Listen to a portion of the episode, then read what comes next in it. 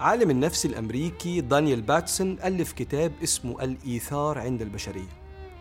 بيقول فيه إن أحد مصادر سعادة الإنسان إنه يكتشف في نفسه إنه عنده القدرة على العطاء. بيحس بالفرحة العارمة لما يشوف إنه قادر يتعاطف مع الآخرين. وسموها متعة العطاء. اللي ذكرها ربنا في القرآن ويؤثرون على أنفسهم ولو كان بهم خصاصة. هو اكتشف إن رغم احتياجه قادر يفضل احتياجات الآخرين على احتياجه وده بيسبب سعادة غامرة عند الإنسان. أنا اتأكدت إني مليان بالخير. ودي جايزة من جوائز ربنا سبحانه وتعالى لأهل الإيثار إن هم يحسوا بالسعادة لما تقدم منافع غيرك على نفسك وده معنى الإيثار.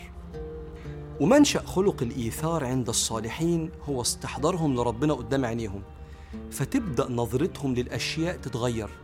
فيحترموا كل إنسان وكل شيء احتراما للخالق سبحانه وتعالى. وده معنى وما أرسلناك إلا رحمة للعالمين لكل الأكوان مش بس للإنسان. الصالحين بيشوفوا كل حاجة تبع ربنا. علشان كده يفضلوا منافع الغير إكراما لله على منافعهم. وأعلى درجات العطاء الإيثار إكرام الخلق إكراما لله سبحانه وتعالى. عبد الله بن جعفر وكان من الأغنياء من الصالحين دخل مرة بستان من البساتين فلقى عبد أسود قاعد وقدامه كلب يرمي له العبد. الرغيف فالكلب ياكله الرغيف التاني كلب ياكله الرغيف التالت وخلاص ما بقاش معاه حاجة ويمشي الكلب. فيجي عبد الله بن جعفر يقول له هو أنت غداك إيه؟ قال له الثلاث رغيفة اللي أنت شفتهم. قال له طيب وأنت هتكمل يومك إزاي؟ قال أبيت طاويا يعني خلاص مش هاكل حاجة. قال له طب ليه اديتهم للكلب؟ قال لأن هذه الأرض ليست أرض كلاب وأراه قد جاء من مكان بعيد وهو جائع فآثرته على نفسي. فعبد الله بن جعفر قال مثلك يعطى. اللي زيك أديله اللي ورايا واللي قدامي وأنت بالأخلاق والإيثار ده. فقام مشتري البستان واشترى العبد وأعتقه واداه البستان هدية.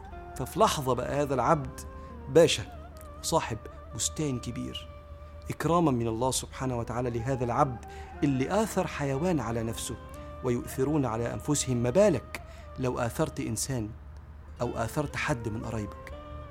هو هو ده نفس منطلق حديث النبي صلى الله عليه وآله وسلم. إذا التقى المؤمنان فتصافحا نزلت عليهم مئة رحمة تسعون للبادئ وأكثرهم بشاشة وعشرة للمصافح. أنا وأنت متقابلين مع بعض أنت بتسلم عليا وأنت اللي بدأت السلام بمنتهى الإقبال والابتسامة وأنا بسلم سلام عادي. تنزل 100 رحمة. 90 عليك و10 ليا. ليه؟ لأن ربنا شايفك أنت عندك مشاغلك وهمومك بس أنت مش عايز تشغلني. فمقبل عليا وبتبتسم في وشي. بتؤثر سعادتي على سعادتك. بدل ما تيجي تشيلني همومك بتبتسم في وشي. فتنزل عليك الجايزة 90 رحمة لأنك بتعامل ربنا وبتكرمني إكراما لله. شفت الإيثار ده في غرفتين في مستشفى. أخ بيتألم لأنه لسه زارع كلية وفي الغرفة اللي جنبه أخوه هو اللي متبرع له بالكلية بتاعته وبيتألم هو كمان. كأنه بيقول له كل واحد فينا يعيش بكلية واحدة بس نعيش مع بعض سوا. مش مهم أتألم مادام أنت هتكون كويس. شفته في طفلة جمعت العيدية من عيلتها كلها وراحت اشترت بيها لبس مدرسة وشنطة مدرسة لحد فقير عشان ينبسط رغم إن دي عيديتها ممكن تشتري بيها لعبة لكنها من جوه نفسها تشوف حد سعيد زي ما ربنا أسعدها ويؤثرون على أنفسهم ولو كان بهم خصاصة.